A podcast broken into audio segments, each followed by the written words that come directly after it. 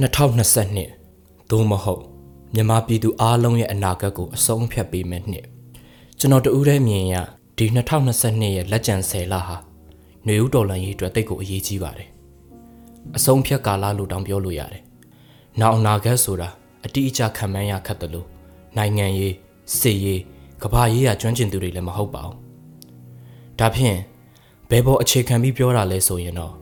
ပြည်သူတွေရဲ့တောင်းခံနိုင်စွမ်းပဲဖြစ်ပါတယ်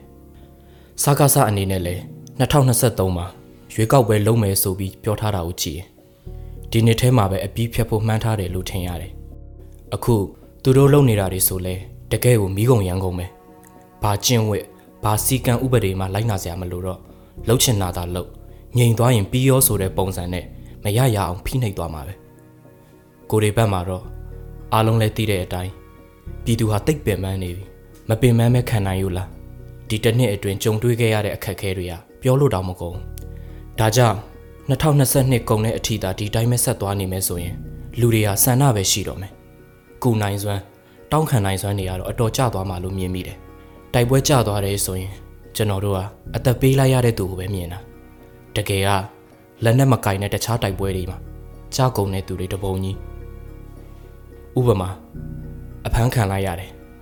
ပြန်ထွက်လာတဲ့ထောင်သူဟာအရင်လိုဆက်လုပ်ဖို့ဆိုတာမလွယ်တော့ဘူးလုပ်ဖို့လည်းမတိုက်တွန်းရတော့နောက်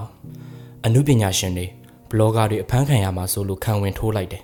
အစတည်းကအစဲလွတ်ယုံလက်သုံးချောင်းထောင်ခဲ့တာလားငြိမ်သွားပေမဲ့နောက်ွယ်ကနေငွေနဲ့ပဲဖြစ်ဖြစ်ကူနေသေးလားလဲသူတို့ပဲသိမယ်သို့တော့ခံဝင်ထိုးလိုက်ပြီးဆိုရင်ကိုသူတို့ရဲ့နာမည်ကြော်ကြားမှုကိုသုံးပြီး တော်လန်ရေးတဲ့ထဲဝင်နိုင်မှုကတော့တခန်းရက်သွားပြီပြောရရင်အမှုပညာရှင်နာမည်ကျော်ဆိုတဲ့အခန်းကဏ္ဍလူတစ်ယောက်တိုက်ပွဲကျသွားတာပဲအဲ့လိုပဲငွေကူနေတဲ့လူဟာအဖမ်းခံရမှာစိုးလို့ဖြစ်ဖြစ်ဒါမှမဟုတ်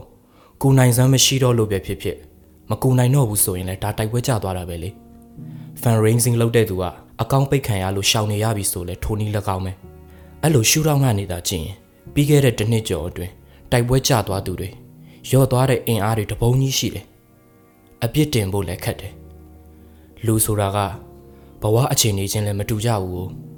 စီရီယန်တွေကိုပဲကြည့်အစကတော့လောက်ကြတာအများကြီးပဲနောက်ကြတစားတစားနဲ့ပြန်ဝင်ကုန်ကြတယ်ကိုယ်တိုင်ရဲ့စိတ်ထဲမှာခိုင်နာရောဘဝရက်တီရေးရောမိသားစုဖိအားတွေဖန်ဆီးခံနိုင်ရတာတွေပါလာတဲ့အခါတောက်မခံနိုင်ကြတော့ဘူး if we ban you ban with x ဆိုပြီးပြောခဲ့ကြပေမဲ့ တကယ်တကယ်ကြလောင်ရိုက်ခံရတာချင်းမတူကြပါဘူးအခုစီဆွေးတွေဒေါ်လာဈေးတွေတက်တယ်ဘန်နဲ့သိန်း2000လောက်ရှိနေတဲ့လူနဲ့သိန်း200လောက်အပ်ထားတဲ့လူလက်တန်းစားနဲ့လက်ထက်2သိန်းတောင်မကင်ဘူးတဲ့လူနဲ့ခံရတာချင်းမတူနိုင်ဘူးများသောအားဖြင့်ပထမအုပ်စုတဲ့ရှိနေတာကစစ်ဗိုလ်ချုပ်အတိုင်းဝိုင်းနဲ့ခရိုနီတွေများတယ်လေတာမန်ပြည်သူတွေကကြံအုပ်စုနှစ်စုတည်းပါနေတာဆိုတော့တိုင်းပြည်အခြေအနေဆိုးလာတာနဲ့အမျှကျွန်တော်တို့ပြည်သူတွေရဲ့တောင်းခံနိုင်စွမ်းကလည်းကျလာမှာပဲ ဒီလိုပြောလိုက်လို့2022မှာလုံးဝအပိသက်အောင်မြင်မှဖြစ်မယ်တော့မဟုတ်ဘူးအဲ့လိုဖြစ်ဖို့ဆိုတာလည်းခက်တယ်အထူးသဖြင့်ရန်ကုန်မန္တလေးနေပြည်တော်စတဲ့နေရာတွေကတော်တော်နဲ့လွတ်မြောက်အောင်မဟုတ်သေးဘူးသို့တော့ဒေသတစ်ခုခုပြည်နယ်တစ်ခုခုဖြစ်လုံးဝလွတ်မြောက်သွားမယ်ဆိုရင်ကိုပဲဒါအများကြီးတက်ရောက်မှုရှိတယ်တော်လန်ရေးအပေါ်ယုံကြည်မှုတွေတက်လာမယ်ဒါမှအခုပြောပြောနေကြတဲ့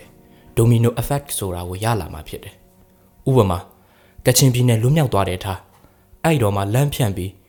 ငါတို့တောင်မြန်မာဖြစ်ကြံခဲ့တော့မဲဆိုတဲ့အသည့်တွေဝင်လာမယ်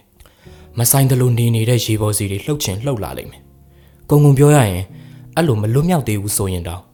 တိုင်းရင်းသားတော်လှန်ရေးအဖွဲ့အစည်းတွေနဲ့သဘောတူညီမှုတွေပူးပေါင်းဆောင်ရွက်မှုတွေ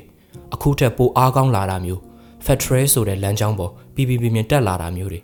စသဖြင့်ဖြစ်လာရင်ကိုပဲမစိုးဘူးဆိုရမယ်။ဘွန်းလိုမျိုးကို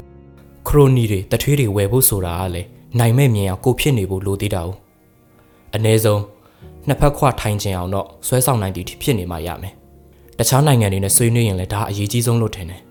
အကျိုးစီးပွားပေါ်ပဲအခြေခံကြတာမို့ဓမ္မဘက်ကရက်တည်တယ်ဆိုတာနဲ့မပြီးဘူးတကယ်အစိုးရအဖြစ်ပြီးပြီးပြင်းပြင်းလုံနိုင်ဖို့ကပိုအဓိကကြတယ်ပြည်သူတွေအနေနဲ့ကတော့ရှင်းပါတယ်စစ်အာဏာရှင်စနစ်ကိုယုံမုံလို့အခုထိခရီးရအောင်တောင်းခံလာခဲ့ကြပြီးပြီအခက်ခဲပေါင်းစုံကိုကြော်ဖြတ်လာခဲ့ပြီးပြီ အခုထိလည်းသွေးမေးအစ္စတန်ပါဝင်နေကြဆဲဖြစ်တယ်လိုအပ်နေတာကတော့အရွေတွေပါတလက်မမမရွေသေးဘူးလို့လည်းမဆိုလိုပါဘူးသို့တော့ပြည်သူတွေတောင်းခံနေနိုင်တော့အခိုက်အတန့်မှာများများရွေးစေချင်တာပါ80-20 rule အတိုင်းတော်လန်ရေးကို80ရာခိုင်နှုန်းလောက်ပြောင်းလဲသွားစေနိုင်မဲ့20ရာခိုင်နှုန်းသောဆောင်ရွက်စေရာတွေကိုအာယုံစိုက်တွန်းလုပ်စေချင်တာပါတစ်ဖက်မှာလည်းပြည်သူတွေကိုတိုက်တွန်းချင်တာက